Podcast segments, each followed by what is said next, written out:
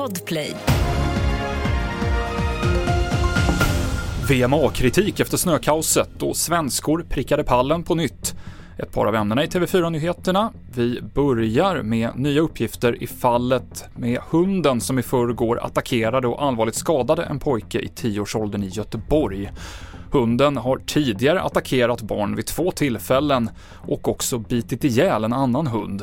Men enligt Länsstyrelsen som beslutar om eventuellt omhändertagande anser sig man inte ha haft möjlighet att agera tidigare. Det har ju skett tre olika attacker mot barn i tre olika län.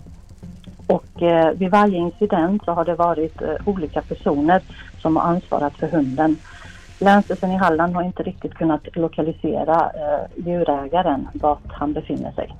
Violetta Delgado, handläggare på Länsstyrelsen i Halland. Vidare till snökaoset på E22 förra veckan. Myndigheter har fått hård kritik efter att bilister blev sittande i sina bilar mer än ett halvt dygn innan de fick hjälp.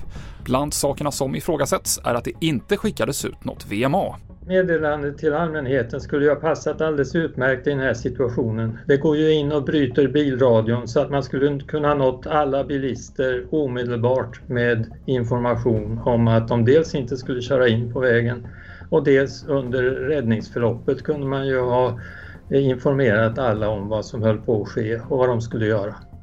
Ulf Björnstig, professor i katastrofmedicin. En bensinmack i Bengtsfors fyllde av misstag upp en cistern som skulle ha innehållit bensin med diesel, rapporterar Dalslänningen.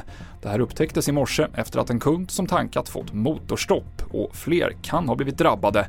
Har man fått diesel i bensinbilen så uppmanas man att tömma tanken hos en verkstad. Och de svenska skidskyttedamerna tog en andra plats idag i den sista världscupstafetten före VM. Sverige har varit på pallen i samtliga fyra stafetter den här säsongen dock utan att vinna någon av dem. TV4-nyheterna i studion idag Mikael Klintevall.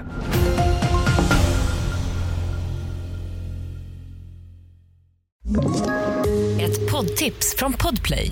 I fallen jag aldrig glömmer djupdyker Hasse Aro i arbetet bakom några av Sveriges mest uppseendeväckande brottsutredningar går vi in med hemlig telefonavlyssning och, och då upplever vi att vi får en total förändring av hans beteende. Vad är det som händer nu? Vem är det som läcker?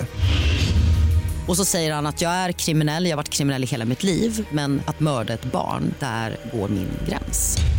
Nya säsongen av Fallen jag aldrig glömmer på Podplay.